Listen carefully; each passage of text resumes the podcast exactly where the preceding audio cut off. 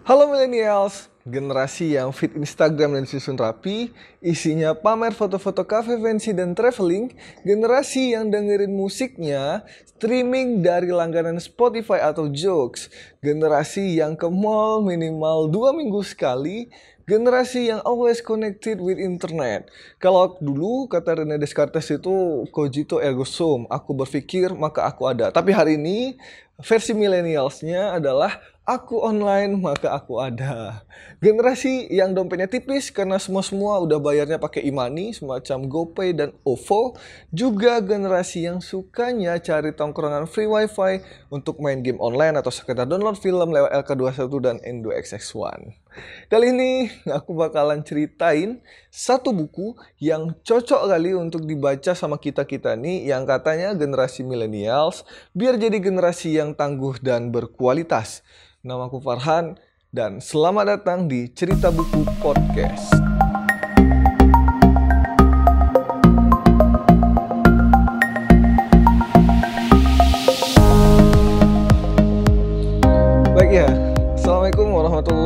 Wabarakatuh. Ketemu lagi sama aku di Cerita Buku Podcast episode keempat. Yeay!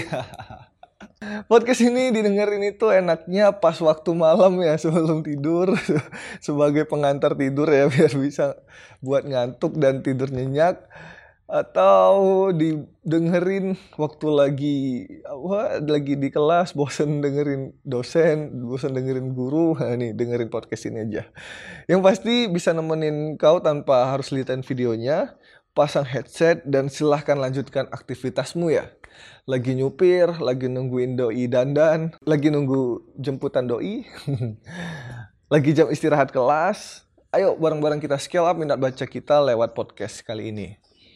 Jadi kali ini aku mau bahas tentang millennials nih. Istilah millennials sering kali didengung-dengungkan ya. Seringkali ini hari ini kita dengerin wah millennials, millennials, generasi millennials dan sebagainya ya. Seringkali jadi bahan perbincangan baik dalam ranah umum, psikologis, hingga dalam konteks human relations dan human development. Gak dikit juga sih yang yang bilang kalau generasi millennials itu adalah generasi yang beda sehingga perlakuan yang diberikan juga harus berbeda dari generasi sebelumnya. Di episode kali ini aku akan bacain sebuah buku yang dituliskan oleh Profesor Renald Kasali. Judulnya adalah Strawberry Generation. Nah, buku ini merupakan kumpulan artikel hasil tulisan beliau tentang dunia pengajaran dan parenting sebagai millennials yang tengah memahami dunia yang sedang mengalami era disrupsi, maka Strawberry Generation cocok kali untuk dijadikan sebuah bacaan. Buku terbitan Mizan pada Juni 2017 ini membicarakan tentang nasihat dan tips dari penulis, yaitu Profesor Renald Kasali PhD, agar anak muda generasi millennials gak jadi generasi yang mu, yang rapuh tapi jadi generasi yang tangguh. Nah, Profesor Renal Kasali menganalogikan nih generasi sekarang ini layaknya sebuah stroberi. Elok dipandang, menawan, tapi sangat rapuh, gampang baper. Nah, gampang nyerah. Iya, ngerasa nggak gitu? Buku ini ngajak kita untuk jangan terlalu nyaman menjadi strawberry generation. Generasi hari ini harus berani menjadi generasi dengan mindset penerobos. Nah, beberapa hal yang harus kita sadari serta pahami saat ini adalah kehadiran para generasi pendatang. Generasi yang spesial dengan perlakuan yang spesial juga. Karena begitu spesialnya, generasi kita ini punya banyak sebutan. Ada generasi Z, generasi digital, generasi Uber, generasi millennials, dan generasi strawberry. Itulah beberapa sebutan bagi generasi hari ini, generasi kita-kita nih. Dalam bukunya Renal Kasali yang judulnya Strawberry Generation ini, ada beberapa karakteristik tentang generasi millennials. Salah satunya termanjakan oleh zaman, kita terbiasa hidup simpel dengan segala kemudahan teknologi, segala informasi dengan mudah kita dapatkan, bahkan kebutuhan generasi uh, millennials ini juga bertambah yaitu kuota harta tahta kuota. kita juga cepat belajar ya dan lebih cepat dari generasi-generasi sebelumnya. Tapi ada kelemahannya nih. Jadi generasi millennials, generasi ya era-era sekarang ini tuh cenderung lemah. Lemah dengan kondisi pasrah dengan keadaan, low motivation, dan endingnya kita banyak mengeluh pada kondisi hingga kita kesulitan untuk dapat survive di dunia nyata. Parahnya nih ya, ada yang bilang kalau ini dari teman-teman nih bilang kalau pelajaran IPS kelas 2 SMP mengenai interaksi sosial hari ini udah mulai bergeser. Mungkin bisa disebut hari ini menjadi interaksi digital. Karena kita lebih lebih asik nih berkomunikasi lewat media sosial daripada secara langsung. Kita lebih suka mengekspresikan diri lewat status, lewat story, lewat tweet, dan sebagainya. Nah, buku ini aku punya ini tahun 2017, jadi baru rilis waktu itu aku udah beli karena cukup menarik ya. Bukunya uh, ya standar lah, ukurannya standar, ada sekitar berapa halaman nih? Ada sekitar iya 279 halaman nih. 279 halaman. Jadi ini bukunya cepat untuk bisa kita selesaikan membacanya. Cukup ringan juga bahasanya dan berisi eh, pengalaman-pengalaman uh, empirik dari Profesor Renald Kasali sebagai praktisi di bidang uh, pendidikan, di juga di bidang akademisi. Jadi recommended lah untuk dibaca. Nah ini aku bacain ya uh, sinopsisnya. Gini nih sinopsisnya. Dari bentuk dan warnanya, stroberi itu menawan. Namun di balik keindahannya, ia ternyata begitu rapuh. Itu adalah ilustrasi dari Strawberry Generation, sebuah bagian dari suatu generasi yang rapuh meski terlihat indah. Dalam buku ini, Renal Kasali berbicara mengenai perubahan, baik yang tak terhindarkan maupun yang harus diusahakan. Salah satunya, ia mengingatkan anak muda agar tidak menjadi bagian dari Strawberry Generation, generasi yang penuh dengan gagasan kreatif, tetapi mudah menyerah dan gampang sakit hati. Padahal, menurut Renald, kesuksesan tidak bisa diraih melalui jalan pintas, maka mentalitas rapuh itu harus dirubah. Passenger harus menjadi driver, fixed mindset digantikan growth mindset.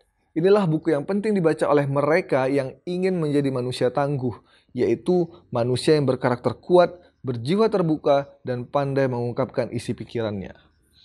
Nah, jadi buku Strawberry Generation ini itu ukurannya lebih kecil dari buku-bukunya Profesor Renal Kasali yang lainnya. Buku ini ada berapa bab nih?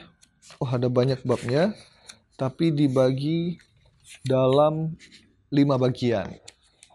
Bagian satu, jadi dimulai dengan pada mulanya adalah mindset. Jadi bab tentang mindset di awal-awal. Kemudian di bagian dua, bahas tentang high tech and high touch parenting. Kemudian bagian tiga, memetik moral dari yang viral. Kemudian bagian empat, biang lala entrepreneurship bagian 5 mencegah Raja Wali jadi merpati. Jadi di bagian-bagian ini ada beberapa bab isinya ya. Ada bab-babnya di dalamnya. Jadi diawali dengan mindset. Kemudian yang terakhir di bagian 5 itu bicara tentang dunia pendidikan. Nah, buku ini bukan hanya untuk anak muda aja, tapi juga cocok untuk dibaca oleh orang tua sebagai metode parenting banyak nasihat-nasihatnya untuk orang tua, bagaimana cara mendidik anak, bagaimana cara membesarkan anak. Nah, jadi peran orang tua dan lingkungan itu sangat berpengaruh ya kalau menurutku. Dan menurut buku ini juga dan menurut banyak orang di luar sana tentang bagaimana membentuk karakter seorang anak. Nah, jadi buku ini komplit banget, cocok untuk kita baca. Nah, aku mau ceritain dulu nih dari pengantar pengantarnya Renal Kasali di buku ini. Jadi dalam mengawali tulis buku ini diberi judul Strawberry Generation oleh Profesor Renal Kasali, Profesor Renal Kasali PhD. Dia bilang gini, dulu kita tak menyangka sama sekali bahwa strawberry dapat ditanam dan tumbuh di Indonesia Perlahan-lahan di lereng-lereng pegunungan di tanah air, akhirnya kita menyaksikan tanaman stroberi dapat tumbuh subur dan berbuah. Dalam lukisan kanak-kanak, stroberi termasuk buah yang mudah digambar. Bentuknya eksotis dan indah. Namun, begitu stroberi kena benturan atau tergesek sikat gigi saja, ia begitu mudah terkoyak lalu hancur. Seperti itulah Strawberry Generation. Sama sekali kita tak pernah menduga ia akan hadir di sini.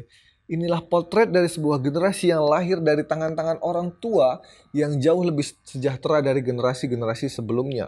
Mereka dari kelas menengah baru yang sudah mempunyai rumah sendiri, bahkan kendaraan, gadget, dan akses informasi yang lebih luas. Mereka mulai mampu menyekolahkan anak-anaknya hingga ke perguruan tinggi. Ups, maaf. Maksud saya hingga ke, per, ke program S2. Gejala Asia di Asia bukan di Amerika Serikat, Eropa, atau Skandinavia. Iya, di sinilah tempat pusat-pusat pertumbuhan ekonomi baru itu. Besar di daerah perkotaan. Gejala megasitis untuk eh, gejala megasitis yang membuat semua orang hanyut dalam materialisme, uang akan uang seakan mudah didapat oleh kalangan tertentu. Kebanyakan orang tua di Asia berbeda dengan rata-rata keluarga di Eropa atau Amerika Serikat yang sudah jauh lebih dulu mencapai kemapanan. Bahkan Kini mereka rata-rata mengalami perlambatan ekonomi. Lalu anak-anak mereka harus bekerja sendiri untuk membiayai uang kuliahnya atau mengambil education loan. Keadaan itu berbeda benar dengan keadaan di sini, di mana orang tua turut campur dalam berbagai hal, mulai dari memilih jurusan, universitas, sampai pernikahan. Maksud saya, pesta pernikahannya. Ini tentu dapat melahirkan generasi dengan mindset yang amat berbeda dengan generasi satu tingkat di atasnya. Hidup dan keberanian menghadapi tantangan. Hidup itu pada dasarnya adalah sebuah tantangan, dan untuk menghadapi tantangan dibutuhkan manusia-manusia yang terlatih secara mental untuk menghadapinya, bukan menghindarinya. Daya juang dibutuhkan untuk menembus hambatan, bukan sekedar ditatap atau diratapi. Dan kalau ada orang lain yang lebih berhasil, belajarlah dari mereka. Terimalah kritik-kritik, bukan menghindari atau mengutuk mereka, bahkan memenjarakan mereka atau sekadar membuatkan pesan-pesan kebencian yang sering kita saksikan di dunia maya. Mindset penerobos, penantang hambatan dan kesulitan itu disebut sebagai growth mindset. Ini ini ini adalah orang-orang yang punya daya juang, dididik terbiasa menghadapi kesulitan untuk menang. Sebaliknya, generasi yang manja yang menjadi strawberry itu disebut fixed mindset. Ia mudah hancur, digerus kompetisi dan ketidakpastian. Oleh karena itulah, kita perlu mengingatkan orang tua dan para guru, betapapun punya dan sejahteranya mereka, berikanlah tantangan pada anak-anak sedari muda. Biasakanlah mereka menghadapi kegagalan, sebab lebih baik mereka belajar dari satu dua kegagalan ketimbang akan menjadi gagal selama-lamanya karena terbiasa ditopang. Berikanlah mereka keterampilan hidup, self-regulations, dan biasa membuat keputusan. Stroberi itu kini tumbuh di rumah-rumah kita, dari darah daging kita Lewat buku ini yang berasal dari kumpulan tulisan-tulisan kami yang tersebar di, di berbagai media, kami berharap bisa memperbaiki nasib generasi muda Indonesia agar tidak menjadi generasi yang tampak indah tetapi lembek. Saya sampaikan juga terima kasih kepada Taufik MR dan Dian Pranasari yang telah membantu mengumpulkan naskah-naskah dan menerbitkan buku ini. Selamat membaca. Rumah Perubahan 15 Mei 2017. Jadi aku suka kali ya sama buku ini. Kalau ada kawan-kawan yang minta rekomendasi, Han, buku apa yang cocok untuk aku baca nih sebagai pembaca baru kan gitu, sebagai pemula untuk memulai uh, minat baca buku. Aku selalu rekomendasiin tuh buku ini. Beberapa kawan-kawan yang dengerin podcast ini pasti juga ngerasa kan kalau yang aku rekomendasiin adalah Strawberry Generation karena ini memang bener-bener kita butuhin kali nih kan buku yang lagi hangat-hangatnya di kondisi hari ini. Buku yang relevan banget, yang cocok untuk mengisi daya pikir kita, untuk mendobrak pemikiran-pemikiran lama menghadapi kondisi dunia yang baru hari ini, menghadapi tantangan-tantangan zaman yang sangat baru hari ini. Karena memang buku ini ditulis berdasarkan studi yang empirik menurutku cukup detail, cukup menggugah uh, semangat, cukup membangkitkan pikiran kita karena diawali dengan persepsi tentang mindset. Profesor Renal Kasali bilang sebelum melakukan perubahan maka kita harus merubah mindset kita dulu. Sebelum kita menghadapi perubahan juga gitu. Kita harus mempersiapkan mindset kita dulu. Kalau di buku ini dibilang ganti kaset, banting setir. Persis seperti yang diucapkan para santri di sebuah pesantren di Lamongan, kata Profesor Renal Kasali. Ganti setir aja, eh banting setir aja langsung kan gitu. Seperti komputer yang harus disetting sebelum dipakai dalam menghadapi perubahan. Otak manusia juga harus diset ulang tentu bukan sekedar mengatur margin atas bawah atau kiri kanan, melainkan juga mengatur proses berpikirnya. Nah, jadi mindset itu adalah set of assumption. Mindset itu terdiri dari asumsi-asumsi yang dianut seseorang dan sudah tidak cocok dengan kebutuhan yang baru. Nah, ini harus kita perbaiki dulu, mindset dulu dalam menghadapi perubahan. Gitu juga kita dalam kehidupan. Kita harus mempersiapkan mindset kita dan konstruksi berpikir kita sebelum melakukan atau menghadapi sesuatu. Jadi kita siap nih. Masalahnya hari ini adalah generasi milenials itu mindsetnya manja. Kebanyakan dari kita itu nggak siap me, apa, menghadapi perubahan. Kebanyakan dari kita tidak siap untuk menjalani tantangan-tantangan. Kita terlalu enak di zona nyaman. Banyak lagunya hari ini kan lagu slow, lagu zona nyaman. Karena itu ekspresi terhadap kondisi hari ini kita terlalu nyaman nih. Terlalu nyaman sama status quo. Ah udah ini gini aja. Ah ngapain kayak gitu? Gini aja udah enak Nah ini, ayo, ayo kaum kaum rebahan, bangkitlah, bangkitlah. ayo baca buku ini untuk membangkitkan uh, mindset kita, untuk memperbaiki mindset kita. Nah, bukan hanya generasi milenial, tadi ku bilang juga, seperti orang tua, bahkan guru, itu juga perlu untuk baca buku ini.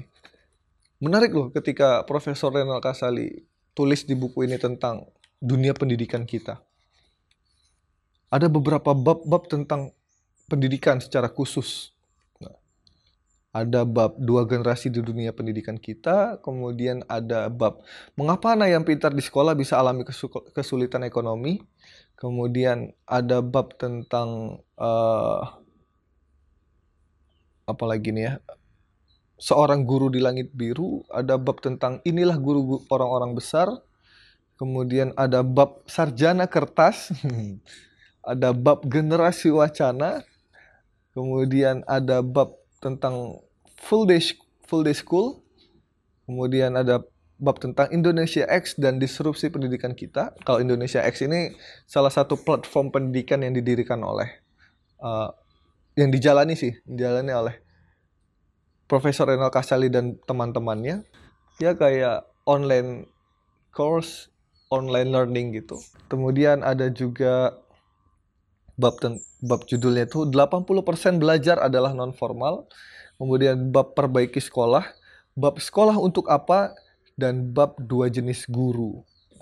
Itu menarik untuk dibaca berbagai kalangan. Baik kita sebagai generasi millennials, sebagai pelajar, mahasiswa, kemudian cocok dibaca untuk orang tua, dan sangat cocok untuk dibaca oleh para guru dan praktisi akademisi. Komplit kan ya? Aku sih pengen bacain sebenarnya uh, banyak hal di buku ini, tapi ntar kepanjangan, ntar kalian bosen lagi. Kayak podcast-podcast sebelumnya membosankan ya, panjang-panjang gitu. Tapi aku pengen bacain dikit nih, ada yang menarik dikit aja. Dengerin ya. Ini satu yang bisa mengubah cara pandang kita. Satu bab judulnya adalah growth mindset. Isinya tuh gini. Sekitar seribu orang mengikuti yudisium di FEUI. Mereka terdiri atas lulusan S1, S2, dan S3.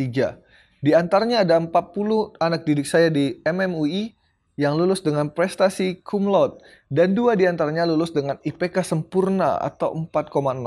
Bahkan salah satu yang lulus dengan IPK sempurna itu keduanya perempuan berusia paling muda 21,5 tahun. Namun, sepulang dari acara yudisium, saya menerima sebuah rilis terbaru yang dikeluarkan oleh FBI tentang latar belakang dan perilaku orang-orang terkenal. Salah satunya siapa lagi kalau bukan mendiang Steve Jobs. Laporan mengenai Steve Jobs terbaca jelas ditulis oleh analis yang terkesan tidak senang terhadapnya. Wajar karena menurut orang dalam Apple, petugas FBI yang ditugaskan melakukan wawancara harus menunggu selama 3 jam sebelum diterima Jobs. Namun demikian, penulis mencoba memberikan data-data objektif sehingga terkesan bahwa Jobs bukan seorang yang cerdas. Meski terkenal, dia ternyata hanya punya indeks prestasi kumulatif 2,65 pada saat duduk di tingkat SMA. Ujar laporan, ujar laporan itu, Angka ini jelas objektif dan bukan diambil dari pikiran penulis. Kalau membaca laporan ini jauh sebelum Jobs dikenal, mungkin Anda termasuk orang yang menilai bahwa ia bukanlah orang yang tidak cerdas. Namun, karena kita membacanya sekarang, paling Anda mengatakan apa urusannya IPK dengan karya yang telah dibangun seseorang? Bukankah dampak jauh lebih penting daripada paper dan IPK? Seperti yang pernah saya tulis dalam kolom, seperti yang per, eh, seperti yang pernah saya tulis pada kolom di Jawab Pos, manusia memiliki dua jenis mindset, yaitu growth mindset dan fixed mindset. Orang-orang yang memiliki pengaturan pikiran tetap atau fixed mindset cenderung sangat mementingkan ijazah dan gelar sekolah, sedangkan mereka yang tumbuh atau growth mindset tetap menganggap dirinya bodoh. Baginya, ijazah dan IPK hanya merupakan langkah kemarin, sedangkan masa depan adalah soal dampak. Apa yang bisa Anda berikan atau dilahirkan? Oleh sebab itu, kepada mereka yang pernah belajar dengan saya, selalu saya tegaskan bahwa pintar itu bagus, tetapi dampak jauh lebih penting. Celakanya, universitas banyak dikuasai orang-orang yang bermental ijazah dan asal sekolah, sehingga mereka terkurung dalam penjara yang mereka set sendiri, yaitu fixed mindset. Bagi mereka, dampak sama dengan paper atau kertas karya, terlepas dari apakah bisa dijalankan atau tidak. Pikiran saya terbagi dua. Di satu pihak, saya senang memiliki anak-anak yang cerdas. Tetapi di lain pihak, saya gelisah kalau mereka yang ber-IPK tinggi itu merupakan produk settingan tetap. IPK tinggi tetapi terlalu membanggakan jejak sejarah atau ijazah. Karakter orang-orang dengan settingan tetap itu menurut Carol Dweck antara lain adalah menolak tantangan-tantangan baru, menganggap kerja keras sia-sia, tidak senang menerima kritik atau umpan balik negatif. Dan bila ada orang lain yang lebih hebat darinya, dia sangat sinis dan menganggap mereka sebagai ancaman. Orang-orang seperti ini biasanya menjadi arogan dan sering membanggakan apa yang sudah dia capai. Prestasi akademis masa lalu bisa menjadi pemicunya. Padahal kita semua butuh orang pintar. Bahkan di sebuah sekolah perempuan, saya membaca kalimat ini. Beauty is nothing without brain. Benar, cantik saja tidak berarti apa-apa bila tidak cerdas. Namun studi yang dilakukan Dweck memberi jawaban yang melengkapi. Pintar yang kita butuhkan bukanlah pintar yang sudah selesai, melainkan yang dapat diatur untuk tumbuh atau growth mindset. Apa ciri-ciri mereka? Mereka merasa kualitas kecerdasan mereka belum apa-apa. Mereka masih mau belajar, siap menerima tantangan-tantangan baru, menganggap kerja keras penting, menerima feedback negatif untuk melakukan koreksi, dan bila ada pihak yang lebih hebat darinya, mereka akan menjadikan orang itu sebagai tempat belajar. Orang-orang seperti itulah yang menjadi sasaran untuk direkrut. Jadi, di MMUI, seperti juga di Harvard, kami tidak terlalu bertumpu pada tes-tes tertulis. Nilai akademis masa lalu mereka boleh tinggi, tetapi kami telah ah lagi dalam wawancara yang dilakukan orang-orang berpengalaman. Dari situ, kami sering mendapatkan insight. Bahkan tidak jarang orang yang memiliki hasil tes yang tinggi terpaksa digugurkan karena mereka terlanjur terkunci dalam ruang gelap yang disetting tetap. Namun apalah artinya semua itu kalau kita tidak berani mengubah mereka? Itulah tugas kami sebagai pendidik, merombak cara berpikir agar anak didik tumbuh, bukan sekedar mendapat ijazah. Jadi, 40 anak muda yang lulus laude itu tentu masih ingat bahwa musuh besar mereka adalah kebanggaan yang berlebihan terhadap prestasi yang telah dicapai kemarin. Ke depan, Indonesia butuh lebih banyak manusia yang adaptif, bukan orang-orang kaku yang merasa pintar sendiri. Untuk melahirkan manusia-manusia unggul, diperlukan kualitas intake yang baik. Di samping proses yang mampu menempa mereka menjadi insan yang tumbuh, maka proses seleksi menjadi sangat penting di awal, di tengah, dan di akhir. Bila dulu saya gelisah memandang lulusan yang gelar cum laude yang hanya bermanfaat bagi, diri mereka sendiri, sekarang saya bisa bernapas lega karena Dweck telah membukakan jalan bahwa hal ini bisa diatasi dengan settingan pikiran yang tepat. Itu satu bab yang menarik untuk membuka wacana kita, untuk membuka narasi berpikir kita tentang bagaimana kondisi diri seseorang khususnya seorang mahasiswa terhadap kualitas pikirannya kan gitu. Apakah cukup hanya dengan ijazah? Apakah cukup hanya dengan gelar? Tetapi kemudian tidak bisa apa-apa di tengah uh, lingkungannya. Tidak berani menghadapi tantangan-tantangan baru. Tidak terima akan kritik-kritik. Tidak tahan dengan tekanan-tekanan. Nah, ternyata itu harus beralih dari yang sebelumnya fixed mindset merasa cukup dengan apa yang dia punya menjadi growth mindset menganggap bahwasanya dirinya bukanlah apa-apa kita ini masih bodoh kan itu belajar itu tidak ada habisnya jangan karena sudah punya ijazah sudah punya gelar terus berhenti belajar nah ini menjadi problem hari ini kan gitu jangan kita cuma baca buku-buku atau yang ini yang seputar perkuliahan aja yang diktat perkuliahan hari ini aja atau yang akan diujiankan besok kan gitu. Tapi bacalah buku-buku literatur-literatur yang sangat banyak yang akan memperkaya wawasan kita. Nah, itu adalah ciri orang-orang yang growth mindset nantinya yang bisa menghadapi perubahan, yang bisa adaptif terhadap lingkungannya dan Indonesia butuh itu men gitu generasi milenials Indonesia harus menjadi generasi yang unggul. Karena wacananya ke depan adalah kita akan menghadapi bonus demografi. Angka kelahiran ini cukup tinggi di generasi milenials. Wacananya katanya adalah di tahun 2030 kita akan mencapai yang namanya bonus demografi. Angka produktif itu sangat tinggi. Nah, apabila angka produktif ini tinggi, tapi tidak berkualitas, ya untuk apa kan gitu? Untuk apa mau jadi apa negara kita? Mau jadi apa Indonesia? Kita butuh orang-orang yang berkualitas. Hari ini mungkin muncul beberapa tokoh-tokoh muda berkualitas kan gitu. Tapi ke depannya ayo kita perbanyak lagi. Jangan cuma satu dua orang. Tapi perbanyaklah. Majority harus menjadi orang-orang yang berkualitas. Orang-orang yang bermanfaat di tengah masyarakat, orang-orang yang pintar, cerdas, dan bermanfaat. Nah, itu yang kita harapkan. Buku ini membawa kita untuk mengarah ke sana. Buku ini seakan-akan menjadi sebuah perahu nih yang akan membawa kita mengarungi lautan, mengarungi samudra dengan ombak yang begitu tinggi, yang begitu hebatnya hari ini. Maka Aku sangat rekomendasiin untuk kalian baca buku ini. Buku Strawberry Generation, bukunya warna biru, hasil karya dari Renal Kasali. Mengubah generasi rapuh menjadi generasi tangguh. Anak-anak kita berhak keluar dari perangkap yang bisa membuat mereka rapuh. Itu pesan Renal Kasali di cover buku ini. Tunggu apa lagi? Segera dapatkan bukunya.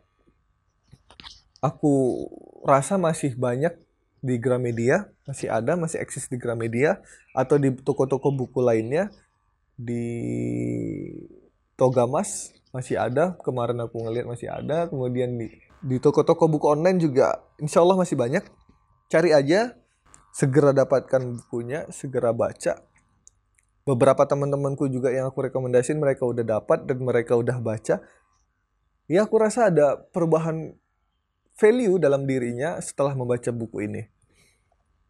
Itu aja mungkin untuk podcast kali ini. Semoga tergugah. Buku ini juga sangat cocok untuk memantik kita agar senang membaca. Karena buku ini sangat ringan dibaca, bahasanya juga gak kaku ya. Jenaka, Profesor Renata Sali mengemas ini dengan sangat baik. Karena dia melihat segmennya adalah generasi-generasi millennials yang malas untuk baca buku sehingga dia tuliskan buku ini sedikit berbeda dari buku-bukunya yang lain.